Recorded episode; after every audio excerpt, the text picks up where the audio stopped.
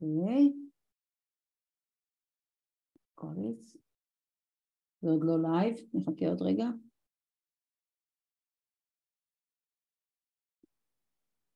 זהו, אני מתחילה. אוקיי, אני מתחילה ואחר כך קצת תעזור לי עם המצגת. חברים שלום, מה נשמע? הרבה הרבה הרבה זמן לא היינו כאן, אני לא הייתי כאן, כאילו, זאת אומרת אני בארץ, אבל לא הייתי, לא הייתי על המסך הזה ולא עם אה, הרצאה עבורנו. אה, המחאה, האמת, לקחה את כולי, חוץ מאשר הלימודים והעבודה, אה, אבל אני כבר בשבועיים האחרונים אומרת לעצמי ש... עם כל מה שקורה, ומה שקורה הוא כמובן מאוד אה, לא פשוט ומדאיג ומקומם ומכעיס וכן הלאה, אה, בכל זאת חשבתי שהגיע הזמן גם אה, לחזור ללמידה ביחד. אז מה שאני רוצה עכשיו, אני רוצה להתחיל עם הרצאה מאוד מאוד אופטימית, שמדברת למעשה על העתיד של כולנו, אם לא נעשה שטויות כמובן, וזה בעצם הרצאה שעוסקת בלונג'ביטי, מה שנקרא אריכות חיים, אז עכשיו אני אנסה לבד להעלות את המצגת וליאור יבדוק אם אני עושה את זה היטב, אנחנו נראה, אני הולכת להצגת שקופיות, נכון? ככה? כן, ליאור אני בסדר? אוקיי, סליחה שאתם שומעים אותי מקבל את uh, שיעור בינתיים, אוקיי, בואו נראה אם זה עובד לנו רק, אוקיי, ובעצם זה הנושא שאני רוצה לדבר עליו. אני רוצה לדבר למעשה אה, על השאלה שחלקנו אה, שואלים את עצמנו, חלקנו לא שואלים את עצמנו, בעיניי שאלה מאוד משמעותית וכולם צריכים לשאול אותה, אבל זה בסדר שאנשים לא רוצים לשאול את השאלה הזאת, ובעצם האם המאה יכול להיות אה, בעצם השיש, השישים החדש. עכשיו אני רוצה לספר שאני מרצה, ה... אני מרצה את ההרצאה הזאת כבר מספר פעמים, וכשאני נכנסתי ביום, בשבוע שעבר נכנסתי לתת את ההרצאה ביום רביעי, בעצם אה, שאלתי, אה, ביקשתי מהאנשים להרים את היד ולהגיד אה, האם הם מוכנים להגיע לגיל 130 כמו שהם היום. זה לא היו אנשים צעירים, דרך אגב זה היו אנשים שרובם בני 55 עד 75 בערך או צפונה מזה והיה מאוד מעניין לראות מה כמות האנשים שהרימו את הידיים, לאחר מכן שאלתי אותם אוקיי ואם הייתם מוכנים אה, אה, להגיע לזה, אם אני מבטיחה לכם שתהיו אותו דבר עד גיל 120 וככה ירדתי עד גיל 100 וזה היה מאוד מעניין לראות שבעצם היה גידול בקהל ובו בזמן אמרתי לה עכשיו אני אענה לכם על השאלה שכולכם רוצים לשאול אותי וזה בעצם האומנם זה אפשרי כי אה, אף אחד לא רוצה להגיע לגיל 100 ומה שנקרא לשבת בכיסא גלגלים כאשר אה, אה, הוא לא שולט על הסוגרים שלו, כאשר הוא צריך עזרה בפעילויות הבסיסיות שלו והוא לא כל כך עצמאי מבחינת החשיבה, אף אחד מאיתנו כמובן לא רוצה את הדבר הזה, זה ברור לנו. אז, אז בעצם זה, אני, אני רוצה להתחיל ולהגיד לכולנו שהסיכויים שבעצם אנחנו נחיה עד גיל מאה ונהיה חולים בימים האחרונים בלבד או בחודשים האחרונים, אם לא תהיה ברירה של חיינו, הסיכויים האלה הולכים אה, אה, וגדלים אה, בזכות מה שנקרא כל מה שקורה במדע וכל מה שקורה כרגע אה, אה, עם הטכנולוגיות החדשות שאנחנו מפתחים בעולם הרפואי ולא, ומחוץ לעולם הרפואי, אז זה דבר שבפירוש אה, אה, יהיה על השולחן, כי מה שעשינו במאה השנים האחרונות למעשה אנחנו התעסקנו בהערכת תוחלת החיים, אוקיי? בשנת אה, אה, שנת 1800, אה, 1800 דרך אגב, הגיל, תוחלת החיים הממוצעת הייתה 28, קפצנו ל-49 בשנת 1900, אני רוצה דרך אגב להגיד שב-1800 זה הפעם הראשונה שהגענו למיליארד נפש וב-1900 זה היה הפעם הראשונה שהגענו לשני מיליארד נפש ובעצם קפצנו כבר, היום אם חס וחלילה מישהו נפטר בגיל חמישים או שישים או שבעים, אנחנו אומרים אפילו שמונים איזה טרגדיה, כאילו צעיר עדיין, אוקיי? בתפיסה שלנו, ואנחנו לפני קפיצה נוספת, הילדים שלנו יחיו כנראה הרבה מעבר למאה, עד גיל מאה ועשרים, אני באופן אישי רוצה לחיות עד גיל מאה שבעים וארבע, זו המטרה שלי, המורים שלי מדברים על שלוש מאות שנים, ואנחנו נראה שכחברה אנחנו נצטרך לשאול שאלות שמעולם לא שאלנו. אה, היה כנס מאוד מעניין אה, בוותיקן עם כל ראשי אה, אה, הדתות, מה שנקרא המערכות המאוד ממוסדות של הדתות הגדולות ובעצם השאלה שהייתה על השולחן למעשה, זו שאלה שלא נשאלה אף פעם, בטח לא בין כותלי הוותיקן, זה האם המוות, האם המוות הוא למעשה אה, מה שנקרא מוסרי. שאלה מאוד מעניינת. ועלתה עוד שאלה שמעולם לא אה, עלתה על השולחן זה מה יקרה האם כשנגיע למצב שאנחנו נצטרך להחליט האם אנחנו רוצים להיפרד מהאהובים שלנו, מהעולם הזה וללכת לעולם אחר או למקום אחר או, או פשוט לא משנה איך אנחנו מסתכלים על זה, לא להיות כאן? ואני יודעת שכשאני שואלת את זה, אני מציבה את השאלות האלה ואני שמה אותן על השולחן, אנשים לא כל כך מבינים על מה אני מדברת וזה בסדר כי כל שינוי חברתי וכל שינוי בכלל שהוא מה שנקרא ממדרגה שנייה, זאת אומרת שינוי מז'ורי שמשנה סדרי עולם, הוא בדרך כלל משהו שאנחנו לא כל כך יודעים לעכל אותו. כל רעיון מהסוג הזה, כל דבר שהוא מהפכני הוא כמובן נשמע מטופש, מסוכן, ילדותי, אה, אה, אה, חסר אחריות וכן הלאה בפעם הראשונה שאנחנו שומעים אותו, או הזוי כמובן. אז זה ככה הדבר שאני רוצה לשים, קונטקסט הכללי שאנחנו צריכים להסתכל עליו. ומה שרציתי באמת להביא לנו, תראו מה קורה לנו כאן לפי השקף הזה, תראו מה קורה לתוחלת החיים שלנו ב-1800, קפיצה של פלוס 175 אחוזים, היקף האוכלוסייה כמובן צמיחה יוצאת מגדר הרגיל 680 אחוזים, ואם אנחנו מסתכלים על סך הכל החיים, שנות חיים, אנחנו כמובן קפצנו בקרוב ל... למעלה מ-1900 אחוזים. מדהים, נכון? פשוט מדהים ומאוד מאוד משמח. וכרגע אנחנו נערכים לקפיצה הבאה. אז אני רוצה לרגע אחד להציג לנו את התיאוריה של ריי קורצווייל. ריי קורצווייל מדבר על התיאוריה שהוא קורא לה ארבעת הגשרים אה, לחיים מאוד ארוכים, הוא לא קורא לזה חיי נפש, אבל הוא בפירוש מתכוון לחיים מאוד מאוד מאוד ארוכים, מעבר למה שאנחנו רגילים לחשוב עליהם, והוא מדבר למעשה על ארבעה גשרים. עכשיו, אני רוצה להסביר את המהות או את התמה המרכזית שעומדת מאחורי השימוש במונח קשרים. מה שריי קורצווייל אומר זה שלמעשה אנחנו לא צריכים עכשיו, אם אנחנו בני 40, 50, 30, 70, 80, לחשוב על זה שאנחנו צריכים להגיע לגיל 200 או 300, זה לא מה שהוא אומר.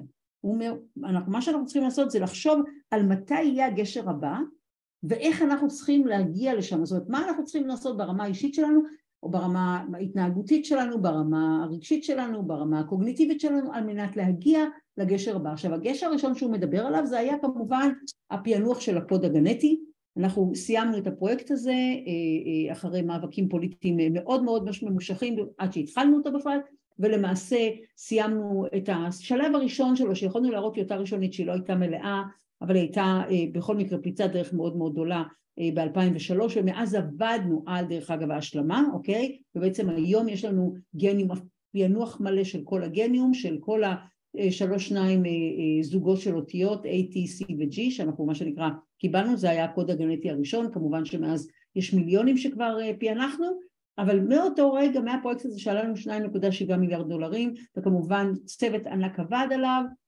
אז בסופו של דבר אנחנו בעצם בנינו את התשתית, כי ברגע שאנחנו מבינים את הקוד של החיים, אנחנו מפסיקים לנהל את הגוף שלנו כמערכת של מה שנקרא trial and error, אנחנו עוברים למודל של ניהול שלה, תכף אנחנו נדבר על זה, כמערכת של כל, אה, אה, אה, הייתי אומרת, אה, טכנולוגיית מידע, אז זה היה השלב הראשון.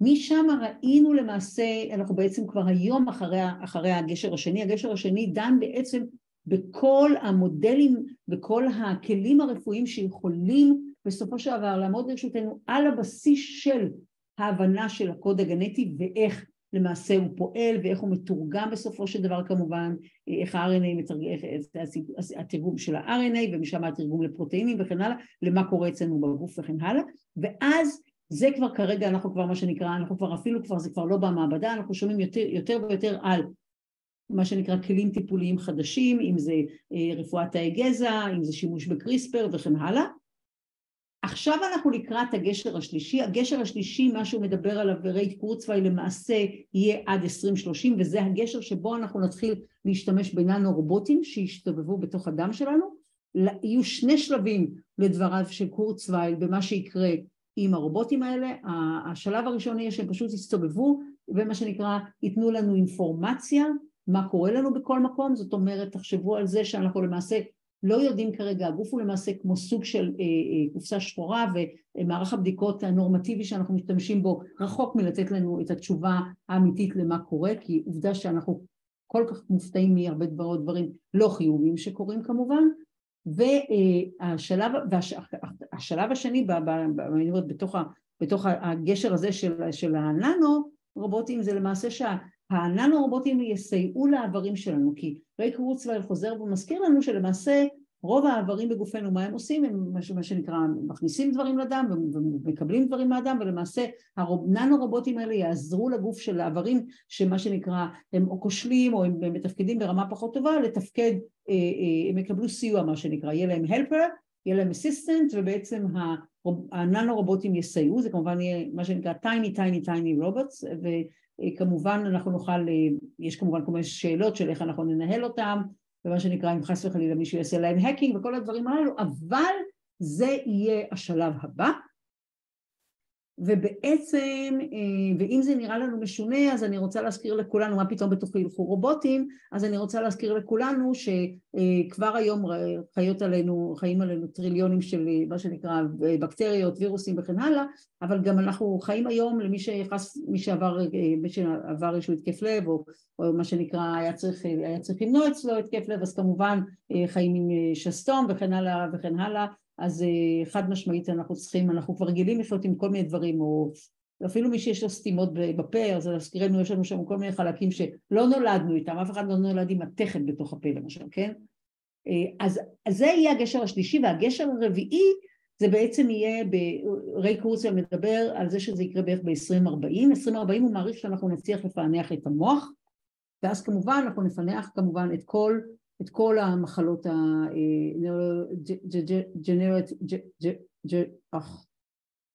הג'רנטיב של, אוי, מה קורה לי? לא חשוב, אני תכף נעזוב את המונח רגע באנגלית, אני קצת עייפה, ובכל זאת החלטתי לתת ההרצאה, זאת אומרת, כל המחלות שעוסקות בהידרדרות של המוח, אנחנו בעצם נטפל בהן אז.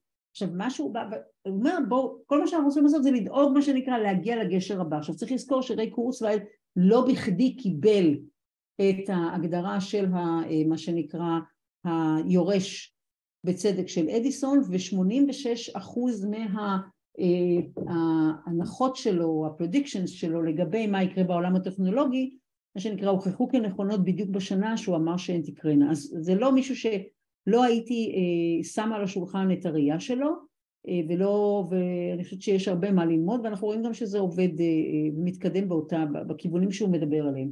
עכשיו ברגע שאנחנו בעצם מורידים את המסך של אי הידיעה מעל הגוף שלנו ואנחנו מתחילים לנהל את זה כמו מערכת, כמו כל uh, uh, uh, information technology, למעשה אנחנו מדברים על חומרה ועל תוכנה, אנחנו במקום אחר. אנחנו, כל המסתורים, ולא שאנחנו יודעים עוד, אנחנו לא יודעים עוד הכל, אבל אנחנו יודעים הרבה הרבה יותר טוב ממה שאנחנו ידענו, אבל כל המודלים שבהם אנחנו מטפלים בגוף שלנו עתידים להשתנות. וזה מאוד מאוד מאוד מאוד משמעותי ואיך אנחנו מגיעים לכאן. אז חבר'ה אלה הטכנולוגיות שלהערכתי רלוונטיות כמובן אה, אה, לעולם, לעולם הרפואי. אה, אה, אין ספק שבינה מלאכותית ורובוטים אה, יהיו מאוד מאוד משמעותיים וביג דאטה וכמובן אה, חומרים מתקדמים ומדפסות תלת מימד וננו טכנולוגי, כל הדברים הללו, אנחנו לא ניכנס כרגע אה, ונגיד מה, מה למעשה התרומה של כל אחד מהם, אבל מה שחשוב לדעת שאין ספק שהמהפכה הטכנולוגית שכרגע אנחנו חווים, אחד העולמות שהיא בוודאות תהיה לה השפעה דרמטית אם לא מעבר לכך, היא בעצם עולם הרפואה. וזה כמובן תוצר פעולה, תוצר של שיתוף פעולה בין חברות הטכנולוגיה, מדענים, אה, אה, ארגונים אה, עסקיים וכמובן גופים חדשים שנכנסים לשוק ושכמובן אין להם שום מה שנקרא biases שנשענים על, על מה שנקרא תפיסות מוקדמות שלהם והם גם לא מחויבים לשום מודלים.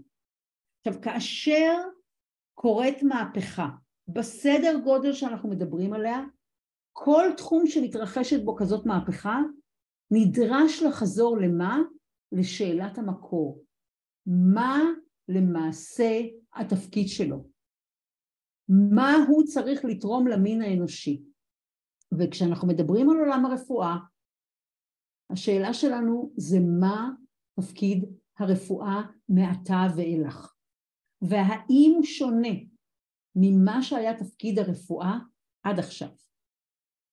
ואני חושבת שאם היום אנחנו מדברים על קופות החולים, אנחנו קוראים לזה קופת חולים. אנחנו מדברים על חולי, על סיקנס, ולכן התפקיד של כל הארגונים הרפואיים, במה הוא היה ממוקד? בלרפא. מתי אנחנו הולכים לרופא? אנחנו לא הולכים לרופא בדרך כלל כשאנחנו מרגישים טוב, אנחנו הולכים אליו כשמשהו לא בסדר. אנחנו באים אליו, אנחנו באים לארגונים הרפואיים כדי שיעזרו לנו לטפל בבעיה, יבטיחו לנו שנוכל למה שנקרא להירפא ממנה. אבל אם יש לנו כלים כל כך מתוחכמים, ואנחנו יכולים לנהל את הגוף שלנו כמו מערכת של חומרה ותוכנה, האם זה לא הזמן לשאול? האם זה לא הזמן לשים על השולחן את האופציה שהתפקיד של מקצוע הרפואה מעתה יהיה למנוע ולא לרפא? אני חושבת שזו שאלה משמעותית, היא שאלה קריטית, ובהתאם לתשובה שאנחנו ניתן, אנחנו נצטרך לשנות את כל שרשרת הערך שלנו. ממה אנחנו מלמדים את הסטודנטים לרפואה, מאיך אנחנו בונים את המוסדות הרפואיים שלנו, מהשרשרת ערך שלהם, מסוג הטיפולים שהם נותנים למטופלים, מהדרך שבה אנחנו מודדים אותם והמדדים, איך אנחנו מחליטים אם ארגון רפואי הוא טוב או לא טוב, זה שאלות שאנחנו נצטרך לתת עליהן את הדעת מהמקום הזה. אוקיי? ואני מאמינה שאנחנו צריכים ללכת לעולם של אה, אה, מניעה, ואני מאמינה שזה יכול להיעשות. עכשיו, כשאנחנו מדברים על רפואה מונעת, חבר'ה, אני רוצה להגיד לכם שאם כרגע הייתי אומרת לכם שיש לי, אה, לי יש כדור שיכול להבטיח לכם בקלות תוספת של שבע עד עשר שנים, כל אחד מכם היה מוכן מיד לבוא ולשלם לי עליו הרבה כסף. הפרדוקס הוא שהתרופה נמצאת אצלנו, כי כל המחקרים האחרונים מעידים שכן, לקוד הגנטי יש השפעה, יש השפעה, כן? אבל היא נעה בין חמישה אחוזים לשבעה אחוזים לשמונה אחוזים, יש debate כמה, אבל הרוב המכריע, בלי שום קשר למה שנקרא איזה קלפים הטבע נתן לנו, בידיים שלנו. והדבר המרכזי ב-Preventative Medicine ברפואה מונעת זה סגנון החיים שלנו. ואני רוצה לדבר על כמה דברים, הדבר הראשון זה כמובן שינה, חבר'ה, המחקרים האחרונים אומרים שלא חייבים לישון, שמונה שעות, אבל מה שכן קריטי זה בכל זאת לפחות שש-שבע שעות, ואז מה שקריטי זה איכות השינה. זאת אומרת, מה, מה קורה מה שנקרא בשינה עמוקה? כי בשינה עמוקה למעשה לגוף יש את היכולת, מה שנקרא, לטפל במוח, וכל עוד אין לנו מספיק, ועוד יהיה לנו, אני מתארת לעצמי, ואני כותבת על זה כמובן להזכירנו, כל יום אני מחפשת מה חדש בעולם הרפואה ושמה לכולנו, כדי שאנחנו כולנו נשמח ביחד, אבל עד שאין לנו פתרון למחלות, מה שנקרא, של התנוונות המוח, של פגיעה בתפקוד המוחי שלנו, שינה זה הדבר הכי חשוב, כי זה הדרך שבה המוח מנקה את עצמו, אוקיי? מזון. חבר'ה, מזון למעשה זה למעשה התרופה של... תחשבו על זה שמזון הוא בעצם התרופה שלנו. ואני אה, יכולה להפנות אתכם לבלי סוף רופאים שהיום מתעסקים במה שנקרא functional health, ובמיוחד למרק היימן, דוקטור מרק היימן, יהודי דרך אגב, שמדברים על זה שבאמצעות מזון אתה בכל רגע יכול לעזור לגוף שלך להחלים. המסר המרכזי שלו זה שלגוף יש יכולת מדהימה להחלים, אנחנו רק צריכים לעזור לו, הרבה פעמים אנחנו מונעים את זה באמצעות מה שנקרא האוכל הלא בריא שאנחנו אוכלים, האוכל המתועש, הלא בריא, וכולנו יודעים שסוכר כמובן זה אחד הדברים הכי מסוכנים לנו, אם לא המסוכן ביותר, ואני לא יודעת אם אתם יודעים, אבל יש addiction מאוד חזק לסוכר, יש אפילו דרך אגב, אחד הניסויים המעניינים שנעשו זה בעצם נתנו לעכברושים, שמה שנקרא אופציה של הרואין וסוכר והם העדיפו את הסוכר, תארו לעצמכם מה זה אומר עלינו, אוקיי? אז סיפור של מזון, עכשיו אין כאן נוסחת קסם, אין משהו שמתאים לכולנו, אוקיי? וכל אחד, אבל מה שצריך לעשות זה צריך לעשות מעקב, אז אחד הדברים שאנחנו נדבר עליהם זה איך אנחנו עושים מעקב ובודקים מה קורה לרמת הגלוקוז שלנו, איך היא מגיבה ובהתאם לזה כמובן איך זה משפיע על כל שאר הדברים. אבל חד משמעית מזון זה אחד הדברים הכי משמעותיים, גת. חבר'ה, במעיים שלנו יש לנו למעשה בית מרקחת שלם. אוקיי? חיים על הגוף שלנו טריליון, כמו שאמרתי, מה שנקרא, אנחנו, אנחנו מה שנקרא שדה הגידול והחיים של הרבה מאוד בקטריות, וירוסים וכן הלאה, אבל מה שקורה לנו במעיים הוא מאוד, הוא, במעיים הוא מאוד מאוד קריטי, כי למעשה דבר ראשון, ככל שאנחנו מתבגרים, האוכלוסייה של המעיים, או אם אנחנו אוכלים לא נכון, האוכלוסייה הנכונה, אוקיי? מה שנקרא, היא, מת, מה שנקרא, היא פחות חזקה, והיא גם מה שנקרא, הוורייטי מתחיל להצטמצם, זאת אומרת, המגוון הולך ומצטמצם, וזה שני, שני הדברים שהם פחות טובים לנו, אוקיי? אז לכן הסיפור של הטיפול וההבטחה, מה שנקרא, שאנחנו נאכיל נכון את החיות שחיות אצלנו במעיים הוא מאוד מאוד קריטי. אני רוצה להדגיש במיוחד לאור העובדה שאנחנו אה, יודעים כבר, יש לנו אה, סימנים ראשונים והבוקר שמעתי עוד מאמר ועוד איזושהי הרצאה ויש לי מחר עוד הרצאה של שעתיים רק על זה, בעצם שמדברת שכנראה אה, פרקינסון זה כנראה שהיא מחלת מעיים שעולה למוח, זאת אומרת שאנחנו נוכל לרפא את זה כבר, כבר במעיים. יותר מזה, אנחנו, אם אנחנו עושים בדיקה מקדימה של ביומרקרים, של מה שקורה לנו בגת, במעיים, אנחנו יכולים לזהות כנראה סרטן, כולל דרך אגב סרטן שד, כנראה חודשים לפני, סליחה שנים לפני. עכשיו, יש גם איזושהי תיאוריה שעובדים עליה כרגע לראות שגם אלצהיימר זה אולי איזושהי מחלה שעולה בעצם מהמעיים. זאת אומרת, המעיים מאוד מאוד מאוד קריטיות, וזה בעיניי, אה, אה, חבר'ה, זה לא, זה לא להוציא עוד כסף, זה לא, זה לא טיפולים מאוד מתוחכמים, זה רק לאכול את הדברים הנכונים. אה, התעמלות, התעמלות זה כמובן דבר מאוד מאוד קריטי, אנחנו יודעים את זה, זה משפיע על החיות, אני רוצה להגיד שני דברים לגבי ההתעמלות, תראו חבר'ה, אנחנו יודעים כרגע ששלושה דברים, הדבר הראשון שאני רוצה להגיד זה שיש קשר ישיר בין כמות השרירים שיש לנו, זה אחד לאחד, לבין מה שנקרא אורך החיים שלנו, השרירים הכי חשובים הם שרירי הרגליים, אז אנא אנא אנא תטפלו בזה, והדבר השלישי זה כמובן שאם חס וחלילה נפלת, אה, זאת אומרת אה, הגוף שלך הוא, הוא, הוא, הוא שביר, הוא חלש, הסיכויים שלך למות תוך שנה הם מאוד מאוד גבוהים, אני לא רוצה לדבר על אחוזים, זה פשוט מפחיד.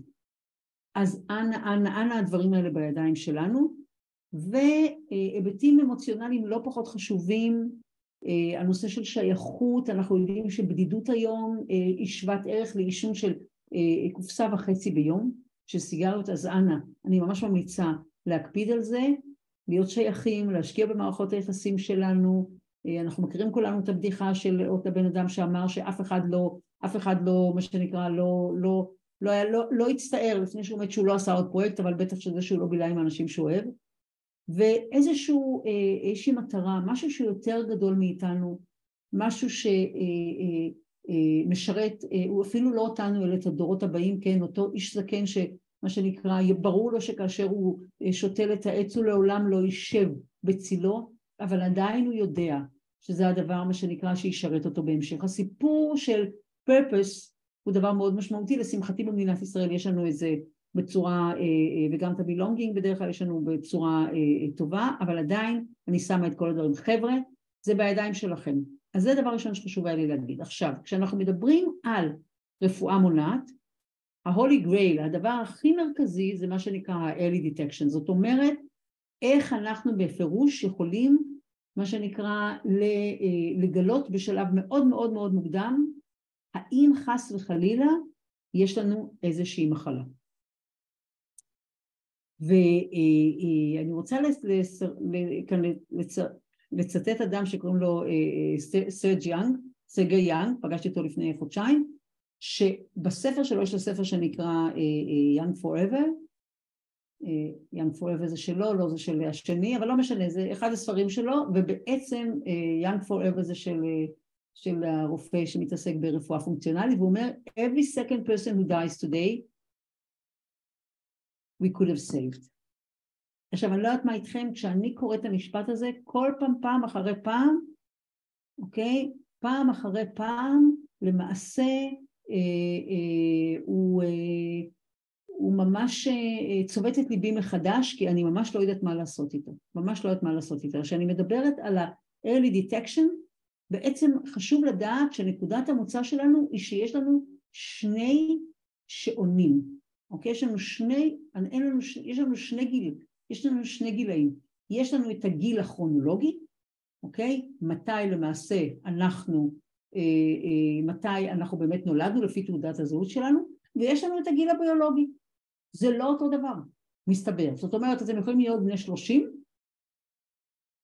לפי תעודת הזהות שלכם, אבל מבחינה ביולוגית אתם תהיו בני 50 או 60, וזה יכול להיות גם הפוך, אתם יכולים להיות בני 60 והגיל הביולוגי שלכם שאנחנו מודדים אותו על ידי מה שנקרא biological clock, על ידי שעון ביולוגי, שמה שנקרא, מי שעובד איתו השעון הכי היום מקובל זה שעון הובה, תכף אני אחליף עליו כמה מילים, שהוא בעצם אה, בודק את רמת ה... אה, אה, כמות המלטונים, הייתי אומרת, המתכות שיש לנו, אוקיי? ואת האורך של הטלימירים, ובקיצור, הדבר הזה שבעצם הפער הזה שאני יכול להיות בין 60 אבל אני יכול להיות בעצם מה שנקרא בין 40 בגיל הביולוגי שלנו זה בעיניי of. עכשיו מי שמוביל כמובן את זה זה את החשיבה זה מעבר להוברד שבנה את השעון הביולוגי והוא שמוביל ותכף אני אגיד אבל זה תכף אני אסביר כמה מילים לגבי השעון הזה אבל מי שמוביל את החשיבה לגבי זה זה דוד סינקלר, דוד, דוקטור דוד סינקלר שהוא כמובן אחד המובילים בכלל בחשיבה לגבי מה שנקרא longevity והוא למשל הגיל הביולוגי שלו אה, זה 55, סליחה, הגיל הכרונולוגי שלו זה 55 והגיל הביולוגי שלו זה 31.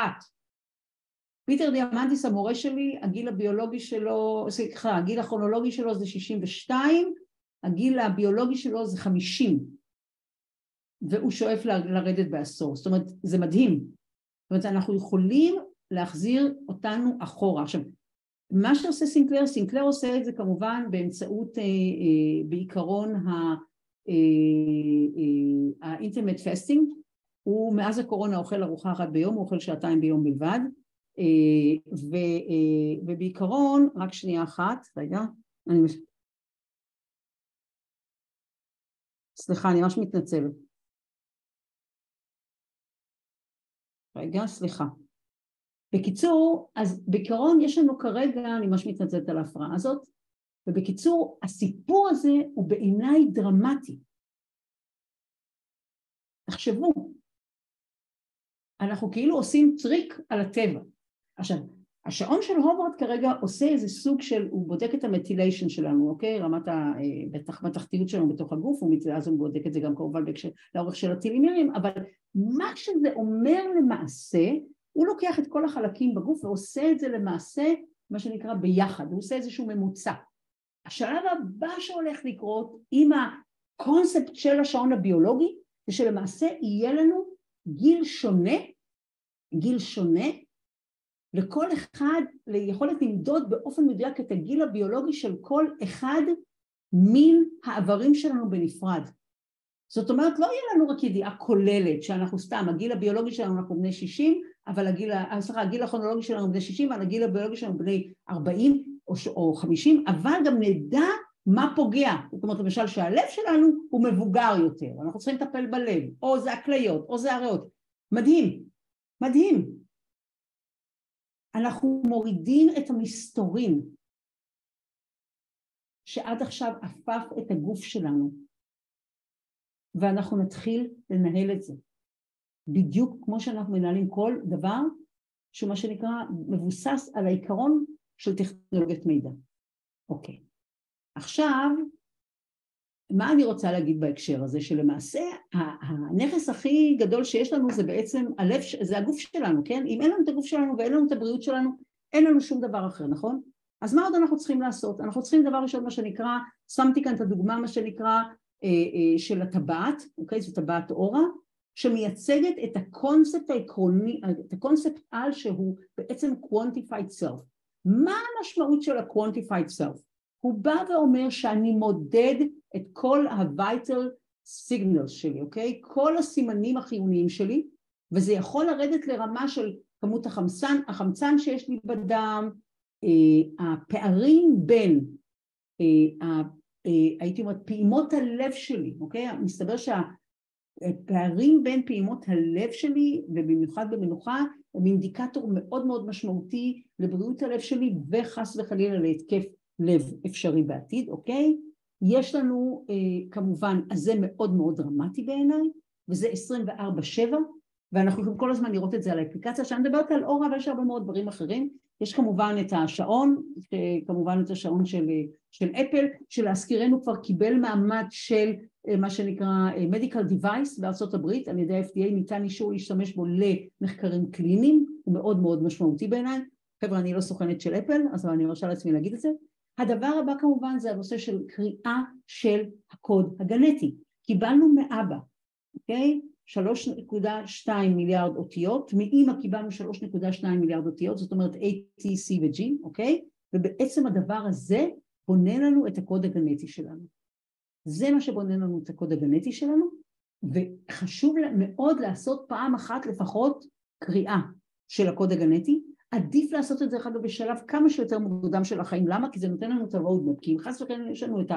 בין אה, חמישה לשישה, יש, יש ויכוחים על הכמות של, הכ... של של הגנים הבעייתיים אנחנו מראש יכולים לדעת. תחשבו גם על כל האנשים האלה שפתאום מגלות שיש להם את, ה, את, ה, את, ה, את הגן שעלול חס וחלילה לגרום להם למה שנקרא לסרטן אה, אה, בעברים הנשיים שלהם וכן הלאה, או לסרטן השד, יש לנו גם כן לזה. הדברים האלה, אם אתה רואה את זה בגיל צעיר, אתה אולי יכול גם לטפל בזה. זאת אומרת, זה שיש לך גם את, את הגן הזה, יכול להיות עוד פעם שבאמצעות סגנון החיים אתה יכול לטפל. לא תמיד, לא תמיד, אבל אז יהיו לנו כלים אחרים לטפל.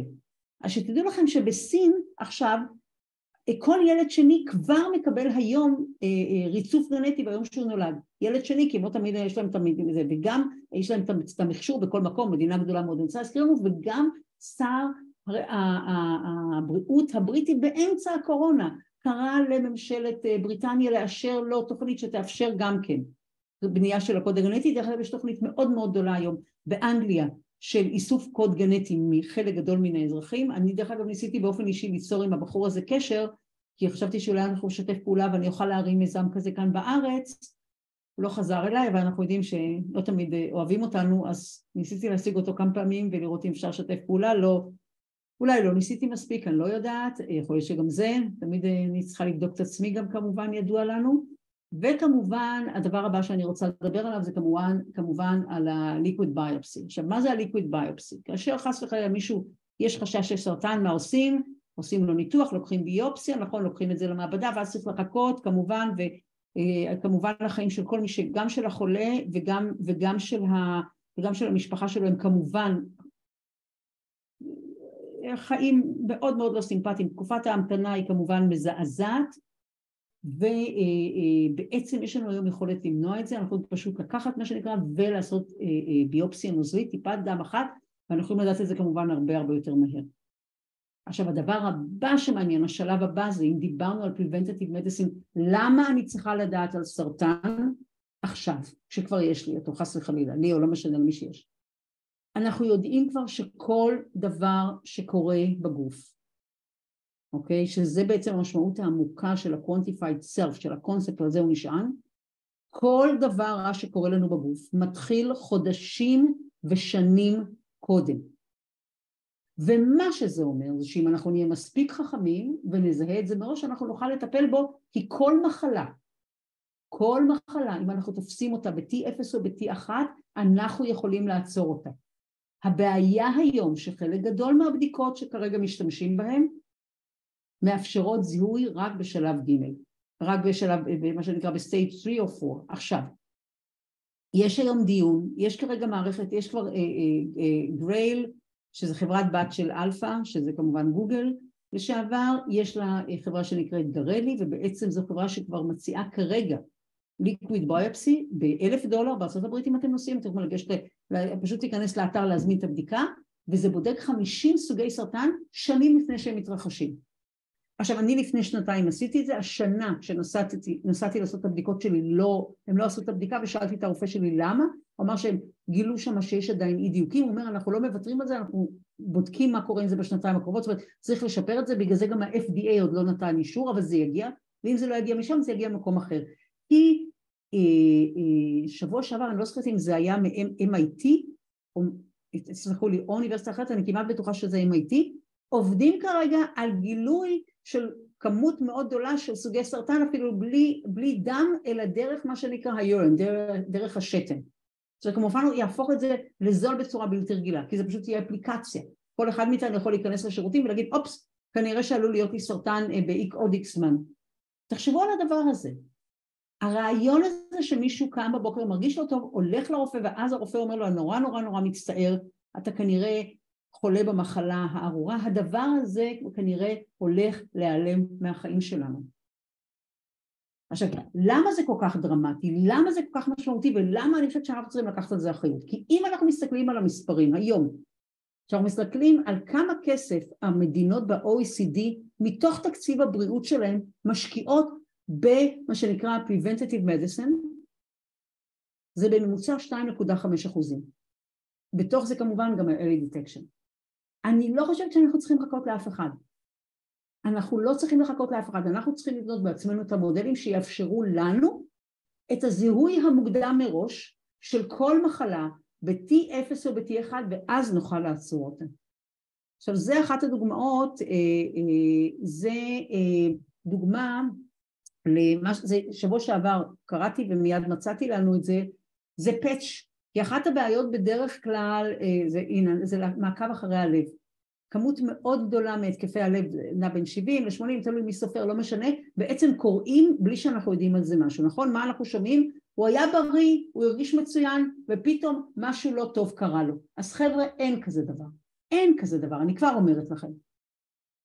אנחנו לא מדדנו נכון. עכשיו למשל אני אתן לכם כדוגמה, כשאנחנו מדברים על ה plaque היום, כן, שסותם את העורקים, יש plaque, מסתבר שיש שני סוגים של plaque, יש plaque קשה שנצמד לעורקים ויש את ה plaque הרך, מה שמסוכן זה ה plaque הרך. אנחנו התחלנו להבין, וטפ... להבין את ההבדלים האלה ולטפל בזה רק בשנים האחרונות. עכשיו אם יש לי monitoring כל הזמן, יש לי כל מיני דרכים לזהות מראש למה זה כל כך משמעותי. כי אנחנו יודעים שהתקף לב ראשון מה שנקרא, הוא מה שנקרא עושה נזק אה, אה, בלתי הפיך, והרבה פעמים אחרי התקף לב ראשון יש מה שנקרא את התקף הלב השני. חבר'ה, אנחנו נצטרך להתחיל למדוד את עצמנו, אנחנו לא צריכים לפחד מזה. עכשיו הדבר הזה כמובן עתיד להתחבר למערך מאוד רחב, אתם רואים זה מערך הבדיקות היותר רחב שיש לנו בעצם, שזה גם כולל כמובן אה, אה, את כל הנושא של imaging של כל הגוף, חלק גדול מהדברים אנחנו יכולים לזהות היום באמצעות MRI, אחת הבעיות היום שיש לנו אחת משש, מה שנקרא, אני מדברת כרגע על סרטן השד, זה מספר שלא צריך להתקיים, וזה לא ביקורת חס וחלילה למערכת הבריאות, אבל חשוב לדעת שהמודל הזה של מה שאנחנו עושים היום מודלים, לא מספיק טובים, גם אם אולי נשים כרגע על המערכות הרגילות שלנו עוד מודל של אולטרסאונד ואולי נוסיף לזה AI, אנחנו נהיה במידה טובה, בעצם הכלי הכי אפקטיבי עדיין כרגע MRI והמכונות האלה כמובן, אני רוצה להגיד לכם מהיום שהמציאו אותם והוציאו אותם לשוק, המחירים שלהם לא ירדו רק עלו, שזה unheard of בעיניי. הטכנולוגיה היחידה אם אני מסתכלת עליה שהמחירים שם רק עולים, זאת אומרת יש שם כנראה איזשהו קונסורציום, איזה סוג של מונופול ואנחנו נצטרך לטפל בו באיזשהו שלב גם כן. אז כשאני מדברת על ה-quantified self, על הרעיון שהמהות שלו בעצם זה שאנחנו הולכים לעקוב בעצמנו אחרי הבריאות של, הבריאות של עצמנו, בעצם בשלב הראשון זה מחוץ לגוף, השלב הבא כמו שראינו זה פאצ'ים שיהיה לנו על הגוף, בשלב השלישי זוכרים את קורצווייל? זוכרים את הננו רובוטים? בבקשה, הננו רובוטים שיסתובבו לנו בתוך הגוף, אוקיי. וזה כמובן מה שלמעשה יקרה, הדאטה שכל הזמן נאסוף על עצמנו 24/7 למעשה כל הזמן תהיה בענן וכל הזמן תהיה השוואה של הדאטה שלנו לדאטאות של אנשים אחרים ואז מה יקרה? אנחנו רואים איפה האבנורמליות. עכשיו האבנורמליות היא בשני היבטים, אנחנו מול עצמנו, אוקיי?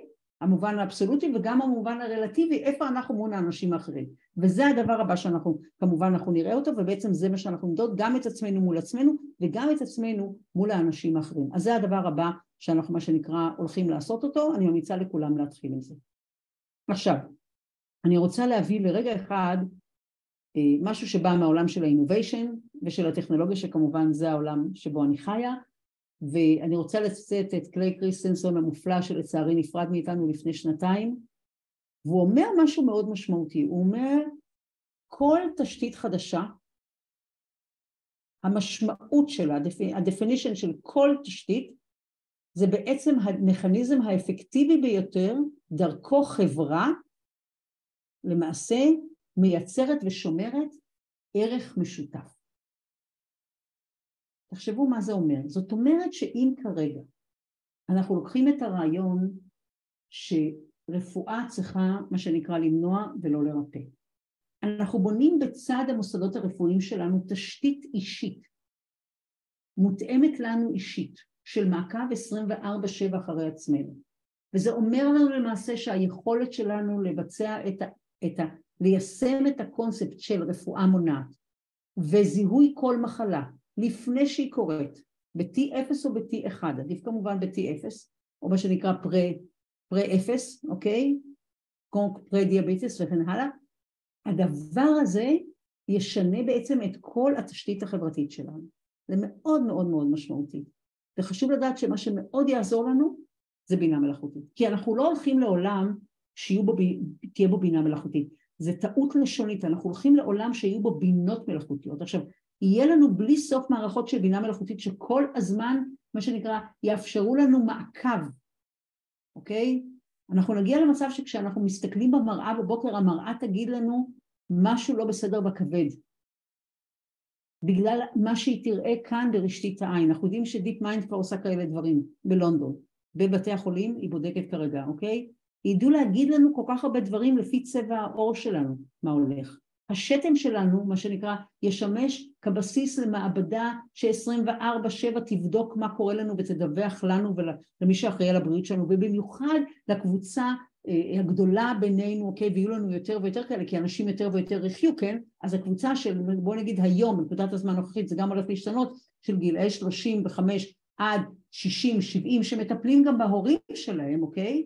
בשבילנו זה גם יהיה כלי פנטסטי, כי למעשה אנחנו נוכל כל הזמן לקבל אינפורמציה ולא לסמוך על שום דבר, כי אנחנו, יהיה לנו בינה, בינות מלאכותיות שיעקבו אחרי הילדים שלנו מצד אחד, וההורים שלנו מצד שני, אוקיי? כי גם ילדים חולים. אנחנו נוטים אה, לקשר מחלות רק למבוגרים, אבל זה לא נכון. ואנחנו יודעים שלצערנו יש לנו גם ילדים עם סרטן, עם בעיות לב וכן הלאה, אנחנו נוכל גם את זה לזהות. הדבר האחרון שאני רוצה להספיק לדבר עליו היום, כי אני לא רוצה שההרצאות עכשיו תהיינה ארוכות, אנחנו כולנו עייפים ועמוסים, אני רוצה לדבר רק על הרעיון שאנחנו הולכים למעשה,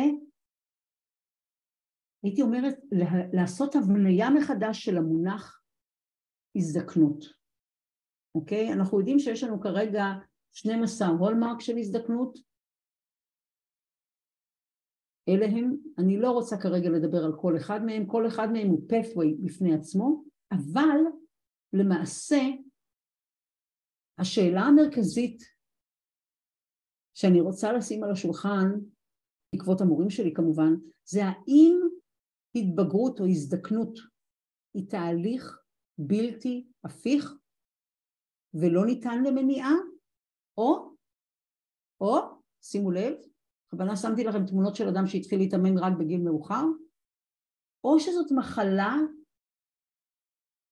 שניתן לטפל בה. מחלה מעצם ההגדרה שלה, אנחנו בדרך כלל יכולים לטפל בה, כן? אוקיי?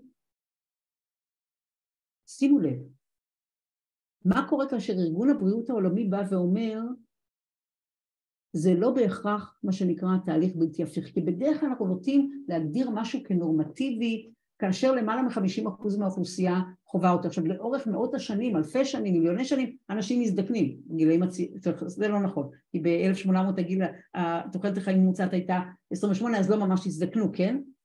אבל בעצם אם אנחנו כרגע אומרים שזה לא תהליך נורמטיבי, או כמו שהוא קורא לזה היימן, היימן בא ואומר שההזדקנות שאנחנו רואים היא אבנורמלית, היא לא נורמלית, היא לא נכונה, אוקיי? ושכולנו יכולים להזדקן כמו בבלו זון, זאת אומרת האנשים האלה שבריאים עד הרגע האחרון כמעט בחייהם, אוקיי?